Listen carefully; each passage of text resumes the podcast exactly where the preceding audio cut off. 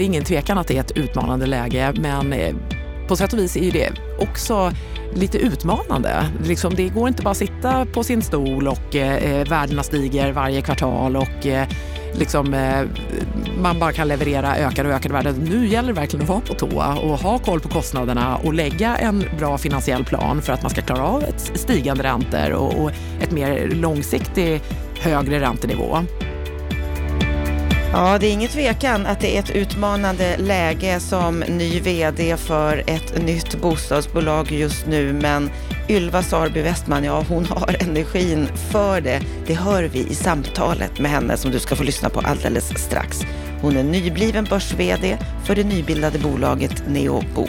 Och när det här samtalet spelades in, ja då var det ju värsta snöstormen i Stockholm den här vintern förra veckan. Så jag är ju glad att vi båda tog oss till studion och fick det här samtalet. För det är väldigt härligt att få ta del av entusiasmen, energin ifrån Ylva.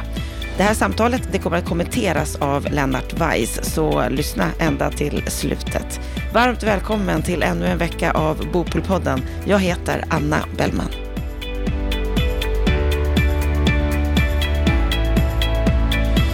När Ilja Batljan ringde i slutet av oktober förra året, ja då tvekade hon inte. På bara två veckor så var kontraktet påskrivet och den 10 november så tillträdde hon som VD för Neobo. SBBs bostadssatsning. Och den 10 februari så börsnoterades bolaget på First North Stockholm, landets största noterade renodlade bostadsbolag med drygt 8400 lägenheter. Hur har det här egentligen gått? Vad är planerna framåt? Varför tog hon det här uppdraget? Det ska vi ta reda på nu. Varmt välkommen till Bopolpodden, Ylva Sarby Westman. Tusen tack. Vad är din sinnesstämning idag? Min sinnesstämning idag när det har kommit eh, två, tre decimeter snö ute utanför fönstret, eh, känns det som i alla fall. Det var lite eh, utmanande att ta sig hit. Eh, men jag känner mig väldigt glad eh, över de milstolpar som vi har eh, lyckats eh, uppnå under den här, på den här korta tiden. Eh, ett fåtal personer som har jobbat väldigt, väldigt hårt. Så att idag och, och nu ser vi verkligen framåt med, med liksom, wow, vi har klarat av det här och känner oss liksom väldigt laddade för den fortsatta resan. Mm. Vad härligt. Vi ska ju prata om hela den här resan som inte har varit så lång tid i kalendertid. För det har gått fort det har gått sen du fort. tillträdde som vd. Ja, det stämmer. På och, bara tre månader börsnotering. Ja, ja precis. Eh, ingen lätt uppgift. Ingen lätt uppgift. Och det överraskade nog, eh, även om jag var väldigt väl förberedd på att det skulle bli intensivt och att det skulle bli mycket arbete så hade jag aldrig kunnat föreställa mig att det skulle bli så här mycket. Så att det har varit eh, nästan dygnet runt eh, för att få ihop det här och därför känns det såklart extra bra. Trivs du? Jag trivs väldigt bra. Eh, att få möjlighet att eh, både vara med och skapa och utveckla något nytt eh, i en liksom, bransch och i en eh, kärnverksamhet som jag kan och känner mig väldigt hemma i. med, med kollegor och medarbetare som jag känner stort förtroende för och, och har kul tillsammans med. Ja, men det känns, jag trivs väldigt bra. Det är bra det. För jag ja. tänker att det, det, kommer väl behövas en hel del energi framåt också. Ja, verkligen. och om vi bara ska börja med att ta det här med företagsnamnet. För jag frågade dig här innan, hur uttalar man det egentligen? Neobo? Ja. Eh, Neobo säger vi. Och vad eh, står Neo för? Eh, neo kommer ju från grekiskans neos, eh, som betyder det nya. Eh, och bo för vår kärnverksamhet, bostadsfastigheter eller hyres, hyresbostäder. Så att eh, eh, det är alltid en utmaning att hitta något som är unikt och som man kan, eh, där man kan få domänen och så. Men vi känner oss nöjda med namnet Neobo. Neobo. Mm. Ja. Och när Ilja som sagt ringde dig, mm. då var du utan jobb. Det stämmer bra. Det var ju ganska mycket i media ja. i början på förra året när Biljana Persson lämnade Castellum, fick gå på dagen och du sa upp det bara några dagar efteråt. Precis. Varför gjorde du det? Eh, ja, men jag tror att jag hade eh, Eh, Eh, dels varit i, i Kungsleden i väldigt många år, 13 år. Eh, jobbat väldigt hårt med den här sammanslagningen då, eh, mellan Kungsleden och Castellum som eh, jag tycker, eh, även än idag, tycker jag var väldigt eh, logisk och väldigt bra eh, på alla sätt och vis.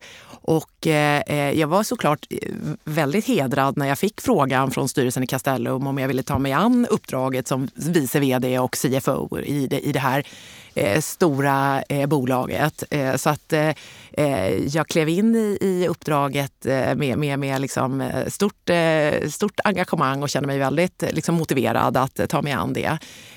Men sen som det ofta kan bli i, i stora sammanslagningar så, så, så, blev det, ja men det uppstod liksom frågor och slitningar då som gjorde att Biljana slutade och då tog jag mig en funderare på vad jag ville göra och eh, landade då ganska snabbt i att ja, men det är rätt tid för mig att också eh, ta mig en funderare på vad jag vill göra och, och, och söka mig efter nya möjligheter. Och till skillnad från Biljana så, så jobbade du kvar ganska många månader. Ja, jag fick jobba till sommaren. Precis, det mm. stämmer bra. Och sen blev du ledig. Ja, sen var jag ledig. Totalrenoverade huset. Ja, lite. Är det så? Ja, så är det. Vad härligt. Så det var väl en ganska skön tid? Ja, men det var väldigt skön tid. Och, eh, men eh, det är fascinerande det där att man, man har svårt att eh, ta det lugnt då. då. Då startar man något nytt spännande projekt. Men det var ju väldigt kul att få liksom, skifta fokus där under några månader och ägna sig lite mer åt familjen och åt vårt hus och så. Och I kombination ska jag säga med att jag passade på att träffa väldigt många branschkollegor och, och eh, många eh, personer i, i branschen för att eh, ja, och hade diskussioner om, om nästa steg. Så att det var ju... Ja, för jag förstår det. Att I många artiklar så står det att du hade många jobberbjudanden ja, där under ja, hösten. Men, eh, jag känner mig oerhört eh, privilegierad att det var så mycket spännande diskussioner på gång och eh, liksom förslag och erbjudanden. Och, och jag fick verkligen eh, ja, men det var en intressant process också när man eh, liksom eh, själv insåg att eh, jag visste inte exakt vad jag ville göra men, men det blev successivt tydligt att nej, det där ville jag tydligen inte göra och det där kändes inte heller riktigt rätt. Och, men vad var det då som gjorde att det kändes helt nätt när, när Ilja ja, ringde? Nej, men det var en rad saker. Jag tror att eh, dels så har jag liksom under alla år verkligen älskat eh, den börsnoterade miljön. Eh, det är väldigt roligt att vara ett börsnoterat bolag med allt vad det innebär med eh, investerare och aktieägarkontakter och så. Och, eh, så att den ambitionen fanns här att, att man skulle ta det till börsen på kort tid kändes ju naturligtvis väldigt eh, utmanande och kul. Och sen att eh, få vara med och, och liksom, ja, men skapa det här från början. Det fanns mycket eh, duktiga medarbetare som var tilltänkta att gå med i förvaltningsorganisationen men i övrigt var det mycket ett, ett vitt papper. Så att, att få möjlighet att eh, liksom jobba med allt från hållbarhetsstrategin till eh, hur vi ska eh, organisera oss till vilka medarbetare vi ska ha. Det kändes ju som ett eh, drömjobb verkligen. Och eh, du har ju, precis som du berättar, jobbat länge på Kungsleden. Mm. Du har jobbat många år i fastighetsbranschen på olika sätt. Men mm. kanske inte direkt med bostäder. Du har i och för sig suttit i Ikano bostadsstyrelse under många år men, men inte jobbat direkt med bostäder. Eh, nej. Har det någon betydelse? Ja, men jag tror, jag började min karriär som förvaltare på NCC och då hade jag några bostadsfastigheter.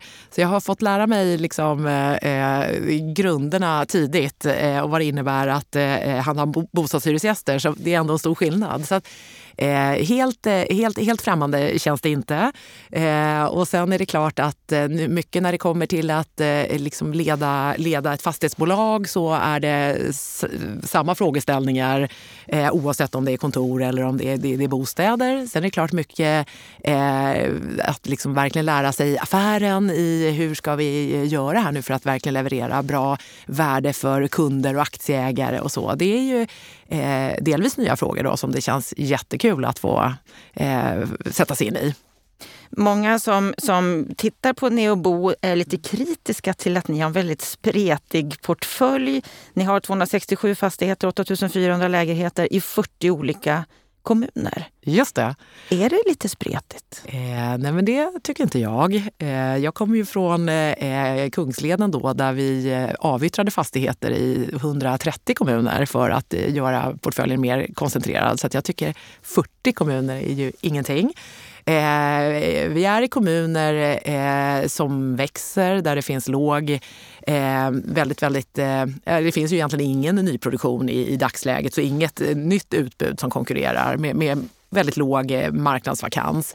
Så att eh, vi gillar de eh, kommunerna. Samtidigt är det klart att det kliar i fingrarna att, att, att optimera portföljen. Att i kanske kommuner där vi har bara ett fåtal fastigheter eh, eh, antingen lämna eller se till att förvärva framöver så att man blir starkare i, i utvalda marknader. Ja, för mycket handlar väl om att få en effektiv förvaltning? Ja, nej men verkligen. Eh, och sen är det ju så att många av de fastigheter vi har idag, det går liksom utmärkt att för, för, förvalta dem från, från grann staden. Eh, eh, så. Men vi, vi håller på att lägga den strategin. Och, eh, det, det, kommer säkert bli förändringar, men, men så väldigt spridd... Det, det, det, är inget, det är ingen stor utmaning för oss. Även du har vi... andra erfarenheter där det har varit större ja. utmaningar låter det som. Absolut. Men 30 lokalkontor?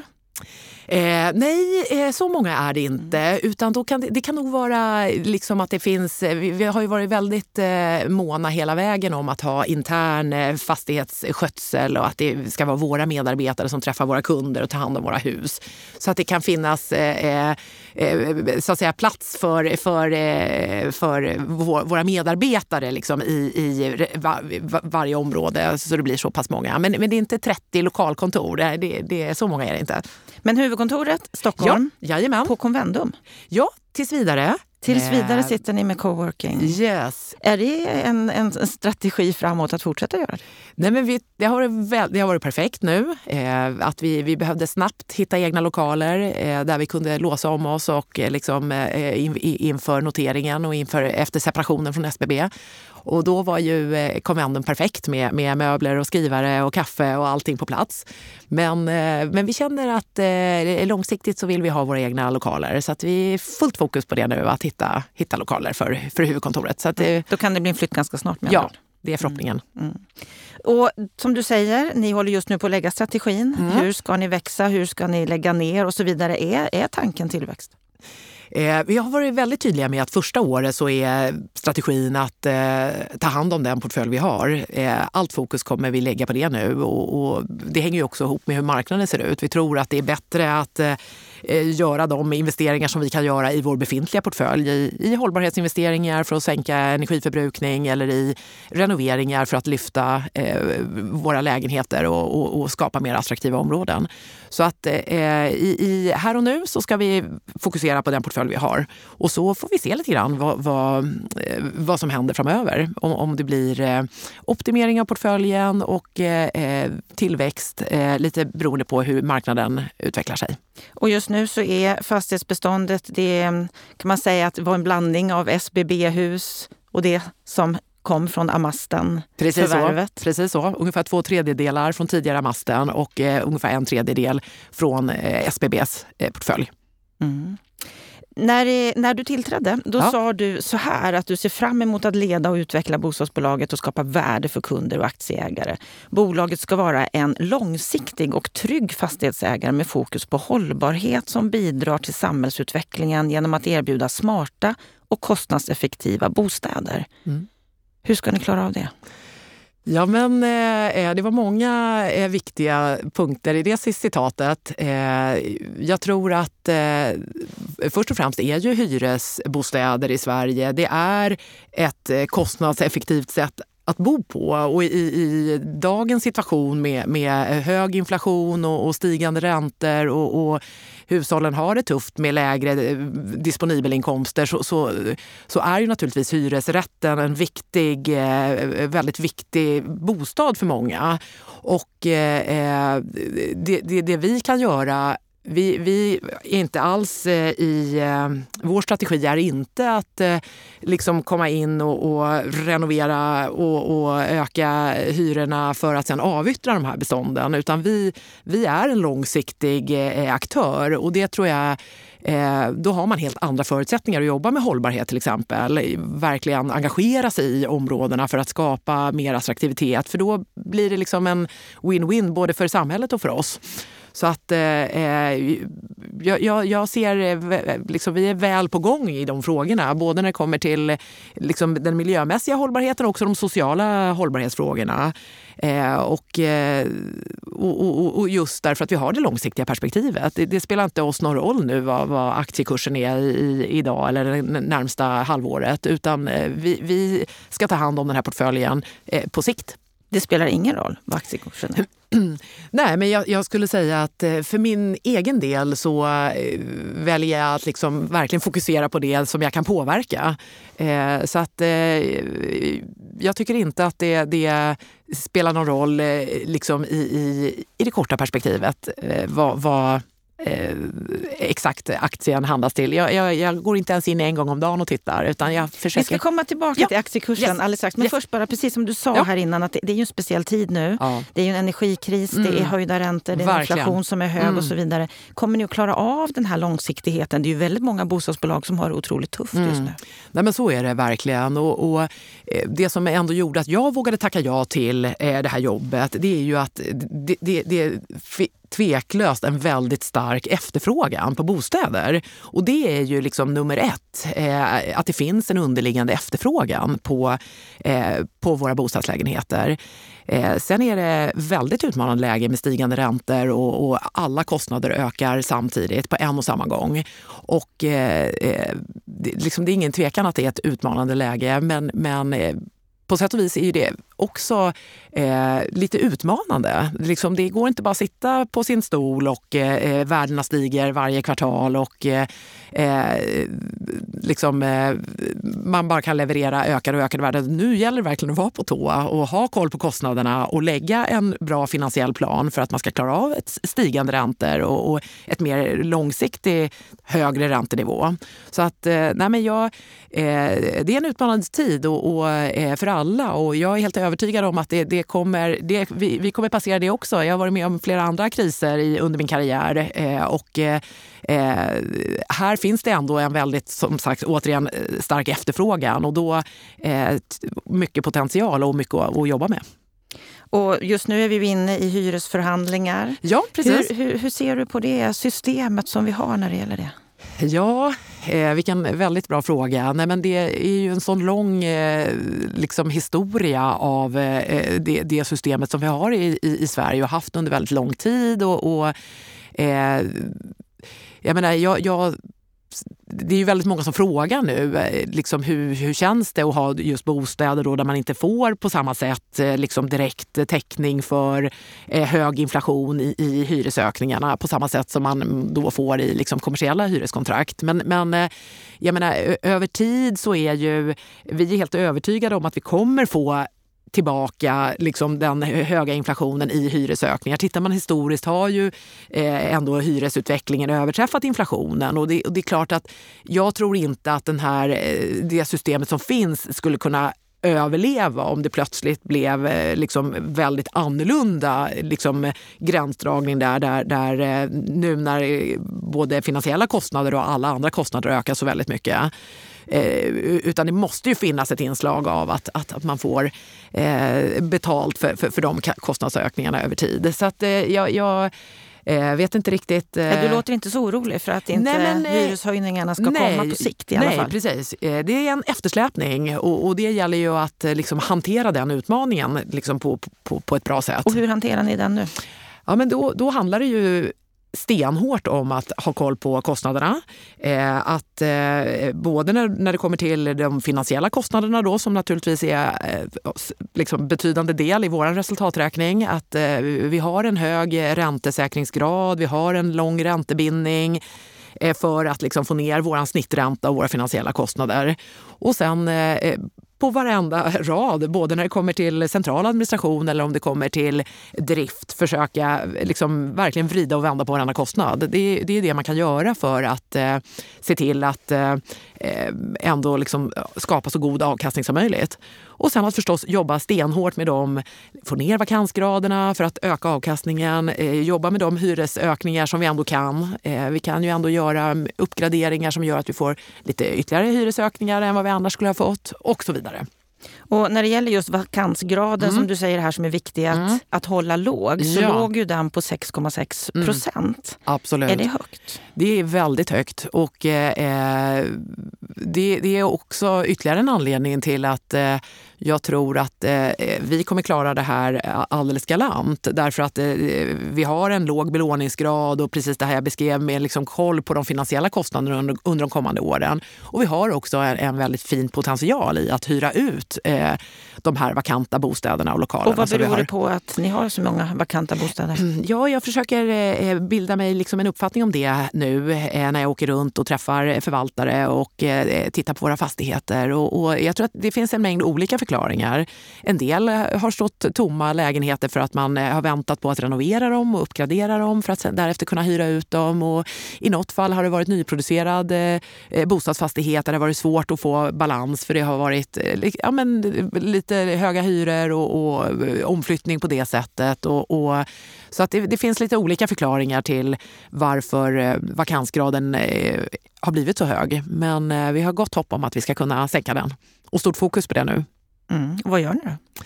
Ja, men vi, eh, först och främst så handlar det om att eh, verkligen tydligt identifiera eh, nuläget. Vad, vilka bostäder och vilka lokaler är vakanta? Och sen att sätta väldigt tydliga mål på var, var, var ska vi någonstans och rikta strålkastarljuset mot det här. Lägga upp liksom vakans, eh, vakanserna på, på vårt intranät och hela tiden följa liksom, de framsteg vi gör. Och sen att, att stötta då, eh, våra medarbetare som jobbar med det här. Att, att, eh, vad är det som behövs? Vad behövs för den här case by case? Vad behövs i det här området för att vi ska lyckas? Vad behövs här? Och att göra liksom en, en noggrann affärsplan. Ehm, så, och det upplever jag att alla tycker är superroligt och, och jättetaggade. Eh, så att jag hoppas verkligen att vi ska lyckas.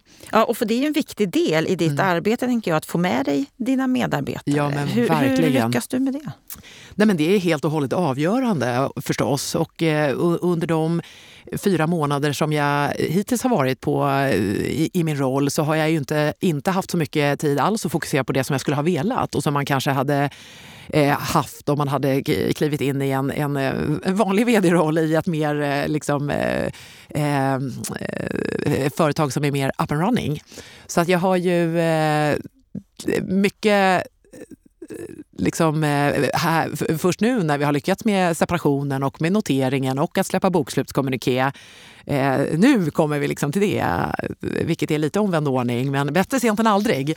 Nej, men jag tror väldigt mycket på att eh, eh det handlar ju såklart om att eh, lära känna alla medarbetare, att eh, eh, bygga en stark företagskultur där man har liksom en gemensam värdegrund och där alla vet var, var, vi är på väg och vart vi ska och köper in på mål och, och, och värderingar. och, och och sen eh, liksom att eh, tror jag väldigt mycket på att eh, men, eh, ge ansvaret till de människor som, eh, har, liksom, som kan påverka, som kan, har förmågan att göra det här. Att inte vara inne och liksom detaljstyra för mycket utan att försöka sätta ramarna och riktningen och, och eh, skapa engagemang på det sättet. Är du bra på att delegera?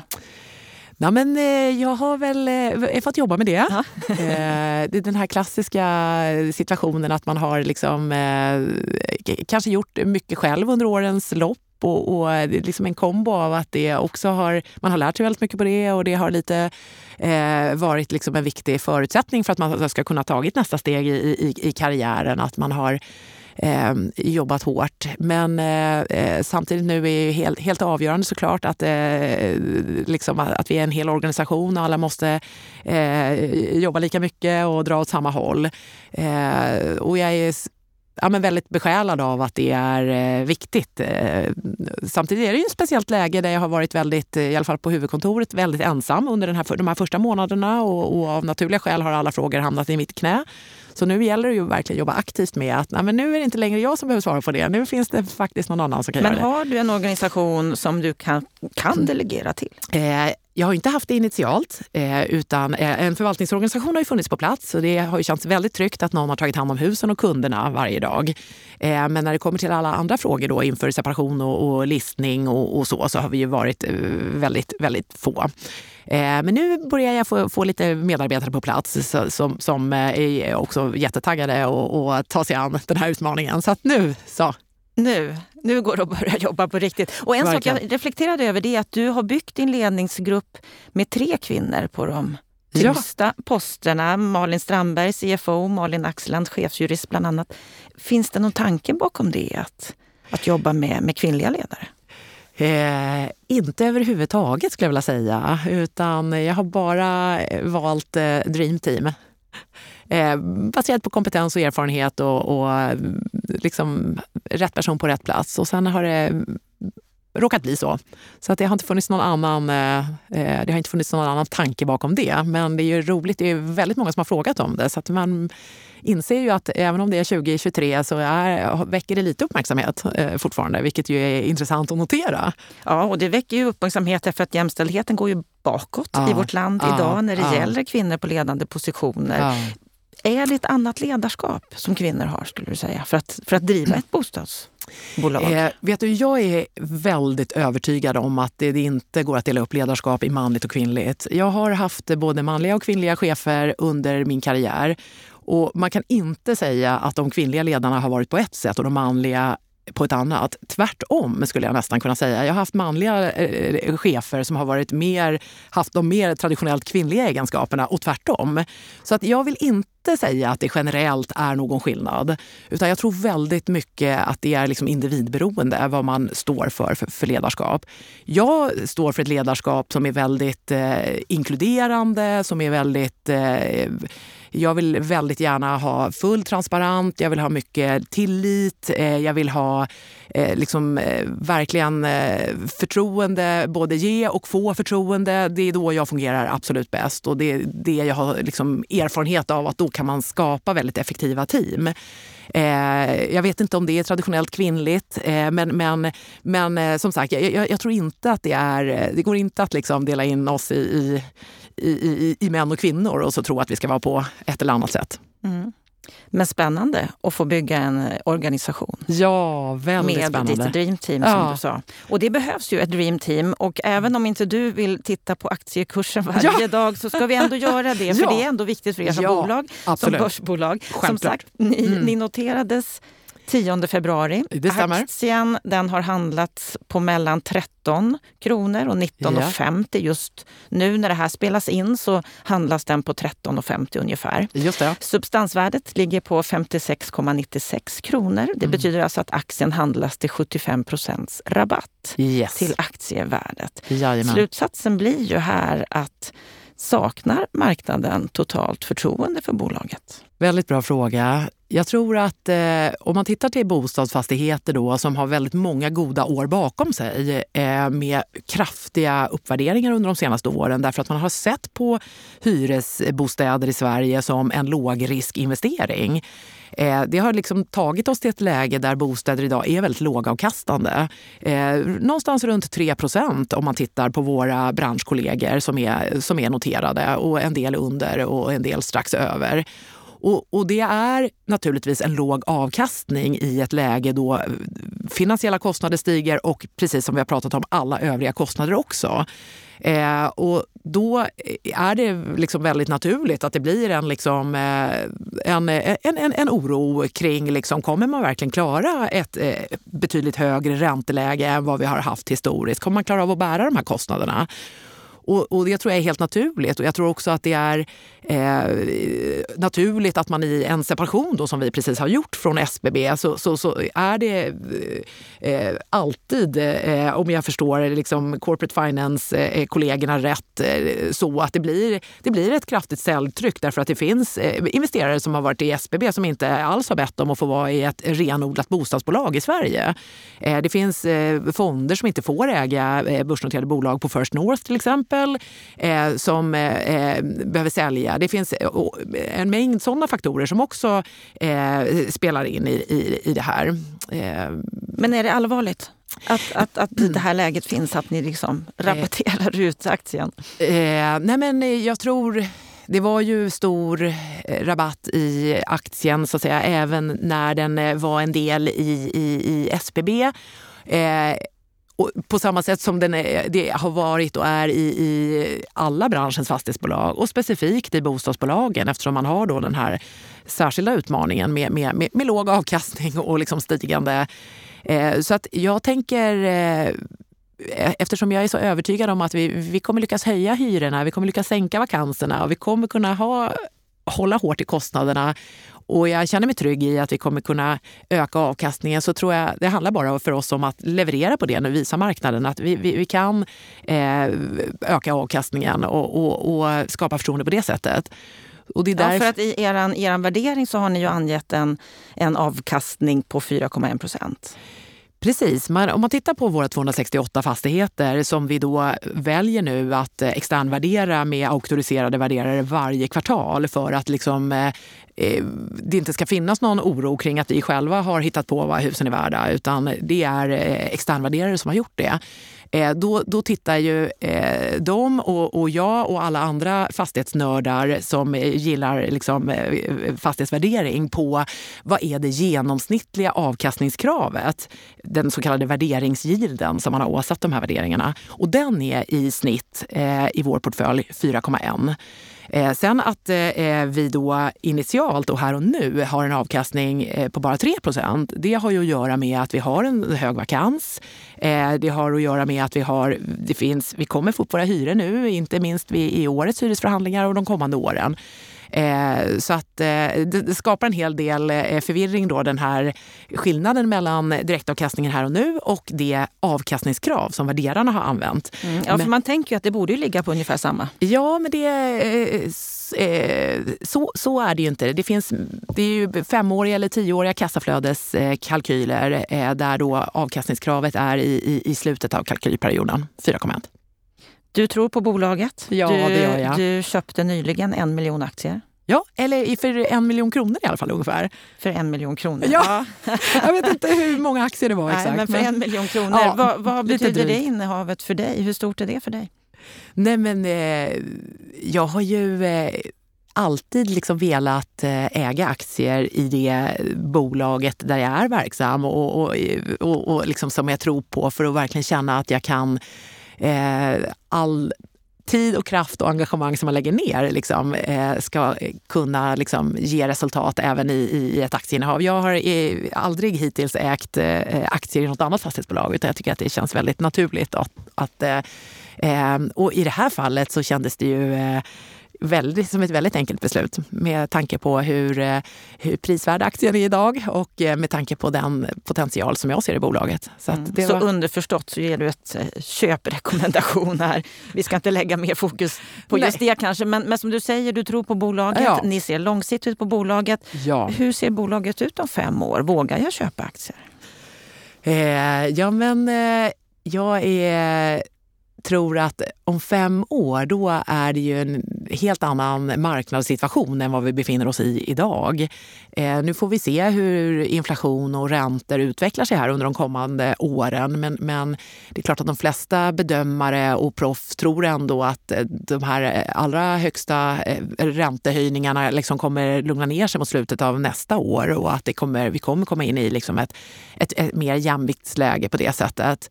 Och ehm, jag tror att om fem år då har vi tagit tillvara på den här eh, enorma efterfrågan som finns och, och mm, väldigt låg vakansgrad i våra marknader och, och lyckats eh, ehm, eh, hyra, hyra ut de här vakanserna som vi har i bolaget och liksom öka avkastningen på det sättet. Eh, jag tror också att vi har kommit mycket längre med att jobba med, med, med hållbarhetsfrågor i, i portföljen och också med eh, liksom optimeringen av eh, innehavet. Eh, jag tror att det kommer att ha hänt väldigt mycket på kunderbjudandesidan också. Mm, jag menar, det är ju väldigt eh, väsentlig del i att vara en, en stor bostadsfastighetsägare, att man har en bra liksom, kunddialog och, och Eh, och där tror jag finns väldigt, väldigt mycket att göra eh, fortsatt. Så att, eh, Eh, jag tror att vi kommer om fem år ha en, en eh, väldigt mycket stabilare marknadssituation och ett, eh, ett större bolag och ett ja, liksom mer, mer högavkastande än vad vi har idag. Och hur viktiga är de politiska besluten för att ni ska kunna växa, för att ni ska kunna ta de här stegen framåt? Vad betyder politikerna för er? Nej, men det är klart att det betyder väldigt mycket. Det, det är ingen tvekan om det. nu har ju inte vi eh, i Neobo i dagsläget några eh, projekt eh, utan vi har 268 fastigheter, förvaltningsfastigheter som taktar och går. Och det är klart att där är man ju också beroende av liksom, politiska beslut när det kommer till att liksom, omdana och förädla och utveckla områden och skapa liksom, mer attraktivitet och så. Eh, och, och, kanske ännu mer om man jobbar med ny, nya projekt så att säga.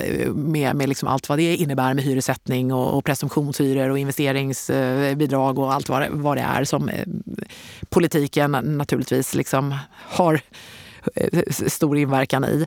Eh, nej, men så att från mitt perspektiv här och nu så är det mer eh, liksom, eh, förstås kring liksom, eh, ja, men på lokal nivå att eh, man kan liksom, ha en dialog och få de beslut som behövs för att man ska kunna skapa liksom, attraktiva områden och, och liksom att det finns en flexibilitet där i, i, i dialogen. Så de kommunala politikerna är, är viktiga?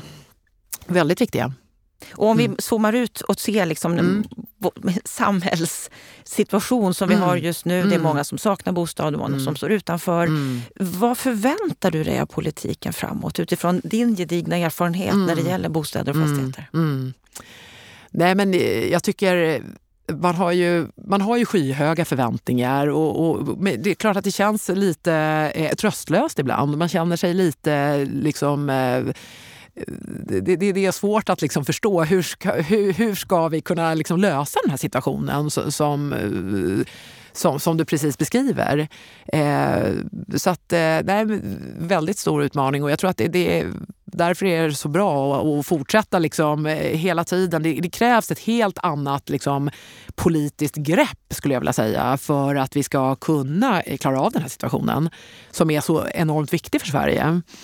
Eh, så större politiskt grepp förväntar du dig och ja, ett större samarbete låter ja, det som ja, på verkligen, nivå. verkligen. Mm. Ja, det ska bli spännande att följa Neobo, mm. denna nya börsjätte får vi väl säga då Absolut. när det gäller renodlade ja. bostadsbolag. Tack för att du kom och besökte Bopolpodden och lycka till framåt. Tack så jättemycket. Tack detsamma.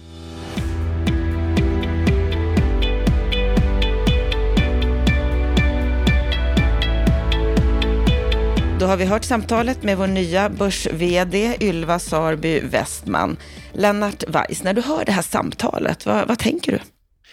Jag tänker spontant att detta är rätt kvinna på rätt plats. Eh, och vad jag hör när jag lyssnar, det är att eh, Ylva, hon är i affären. Hon, eh, hon, har en, hon kom till det här jobbet med en realistisk föreställning om hur mycket så att säga, stöd hon kan ha på eh, övergripande nivå, det vill säga hon har fått göra väldigt mycket själv. Men hon har hela tiden blicken på det strategiska och en person som spänner kompetensmässigt över ett sånt brett fält. Från det väldigt operativa till hur vi ska få fler hyresgäster i en speciell liten ort där vakansen kanske är något för hög till att fundera på hur man ska skapa långsiktiga värden och förutsättningarna för det. Det tror jag är rätt person i ett sånt här bolag. Så om det nu var Ilja, Ilja Battelian eller Christer Karlsson eller vem det nu var som fick ögonen på Ylva så tror jag att de har gjort ett väldigt riktigt val. Mm. Ja, hon har ju mycket energi. Det märks ju att hon jobbar hårt. Samtidigt så är det ett väldigt tufft läge just nu och hon, hon säger ju det också att det är ett utmanande läge just nu. Men samtidigt så får jag ju intrycket av att eh, hon är otroligt positiv. Det här kommer gå bra för Neobo framåt och så vidare. Kommer de att klara sig i den här utmanande tiden som är just nu? För det första så tror jag det, eller jag känner mig ganska säker på det. Eh, men det jag lyssnar lite mot här, det är ju att när SBB for fram eh, som allra mest och, och, och köpte hejvilt en här en där, så fick ju SBB kritik för att man byggde upp ett väldigt spretigt fastighetsbestånd. Jag menar, du kan ju själv göra matematiken 268 fastigheter på 40 orter. Det blir inte särskilt många kåkar på varje ort så kan man ju säga att det är inte någon särskilt gynnsam förvaltningsvolym eh, på något ställe. Om man i varje fall som genomsnitt. Okej, okay, då har man ett sånt läge, då, då är man ute i landsorten. Men när man gjorde de här förvärven så var ju det väldigt klokt därför att eh, direktavkastningen var hög och eftersom arbetslösheten var låg så var ju driftsnettona eh, också positiva och bra. Så vad gör man då? då? Jo, då, då, då, då, hör jag att hon säger så här, vi ska bli en långsiktig aktör som ska satsa på hyresgästvärde, på hållbarhet i olika dimensioner, både social och miljömässig. Det vill säga vi ska göra det här bolaget attraktivt och ett bolag som sticker ut i de marknader där vi finns, där sannolikt allmännyttan är en ganska viktig aktör. Det tycker jag är lite eh, spännande därför att eh, när precis som Ylva säger, när, när saker och ting återhämtar sig i rimlig närtid, vi säger 3 till 5 år, räntorna går ner igen, eh, optimismen återvänder, så, så, så kommer ju också kapitalet att återvända. Så att om hon bara liksom jobbar på, gnetar på under de här kommande åren och ser till att hålla eh, näsan över vattenytan, få ner vakansgraderna, stärka driftsnettona och så vidare, så kommer det här uppfattas som ett intressant bolag och då kommer ju hennes eh, eh, direktavkastning att bli attraktiv för marknaden. Så att då kommer hon ha ett väldigt intressant läge. Men hon har några kämpiga år framför sig. Men, men det är det jag lyssnar mot. Är hon rätt kvinna att liksom jobba sig igenom de här åren? Och det tror jag verkligen att hon är. Jag tror att hon är helt rätt person. Så att jag, tror att det ska bli, jag tycker det ska bli spännande att följa det här bolaget. Mm. Hon har ju en gedigen erfarenhet när det gäller kommersiella fastigheter. Vad är skillnaden att nu jobba mer renodlat med, med bostäder skulle du säga? Har du något annat tips där till henne? Ja, alltså den stora skillnaden är ju hur själva eh, hyressystemet fungerar. Eh, på, på den kommersiella sidan har du indexerade hyror så där, där har du ju kontroll på din affär på ett helt annat sätt. Precis som Ylva konstaterar så, så har hon ju en utmaning just nu i att räntehöjningen understiger inflationen. Och så kan man ju inte ha det långsiktigt. Där har hon helt rätt. Det är bara att hoppas att trepartsöverenskommelsens mekanismer kommer att fungera för dem ute i landsorten och att de har förhandlingsvilliga ombudsmän där ute som, som möter dem på, med, med, rimliga förutsättningar. Men sen finns det ju en variabel här som har en extrem betydelse för henne, men också andra bolag och det är ju vart tar arbetslösheten vägen? För att, för att så länge som den är låg så kommer ju hon kunna få ner vakansgraderna. Men skulle vår, den här krisen som vi är inne i nu gå över till en djup lågkonjunktur med stigande arbetslöshet, då kommer det naturligtvis att sätta den här sortens bolag under press för då kommer vakansgraden att öka. De kan säkert öka någon procentenhet till men, men, men jag tror inte att hon tål att de, den fördubblas. Då tror jag det blir tufft för dem. Så där finns det en skillnad. Å andra sidan så finns det en positiv sida av saken. Kontorsmarknaden, ja, man kan ju flytta hem kontoret, man kan ju flytta in i kontorshotell, men folk måste ju ändå bo någonstans. Så att det finns ju ändå en efterfrågan på bostäder så länge som arbetsmarknaden fungerar. Mm. Hon påtalar ju också här att eh, samspelet med kommunerna är otroligt viktigt. Det tror jag är helt riktigt och jag tror att det är väldigt klokt att lyfta fram den aspekten för att hon är ju, blir ju i kraft av att eh, eh, hon är ett, blir ett komplement, bolaget blir ett komplement till allmännyttan och, och ett privat alternativ. Det tycker ju kommunalpolitikerna generellt sett om för de vill ju ha en eh, differentierad bostadsmarknad både vad gäller upplåtelseformer men också gäller aktörer. Och eh, om eh, Neobo håller sig framme där och bygger goda relationer då kommer de ju att bli intressanta som affärspartner när de ekonomiska vindarna vänder. Och eh, jag menar, du påtalade ju själv vilken oerhörd rabatt man köper Neobo till på börsen.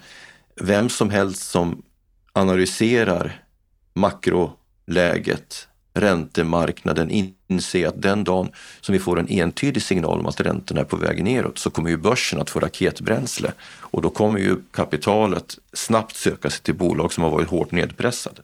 Och när hennes börsvärden då går upp då kommer det att påverka det hela det psykologiska klimatet runt bolaget. Så att det är bara att göra som du gör Ylva, gneta på och se till att du har affären under kontroll, se till att hyresgästerna är nöjda och glada och odla relationerna med kommuner och naturligtvis ägare så kommer det att bli happy days någonstans nedför vägen. Det känner jag mig ganska säker på.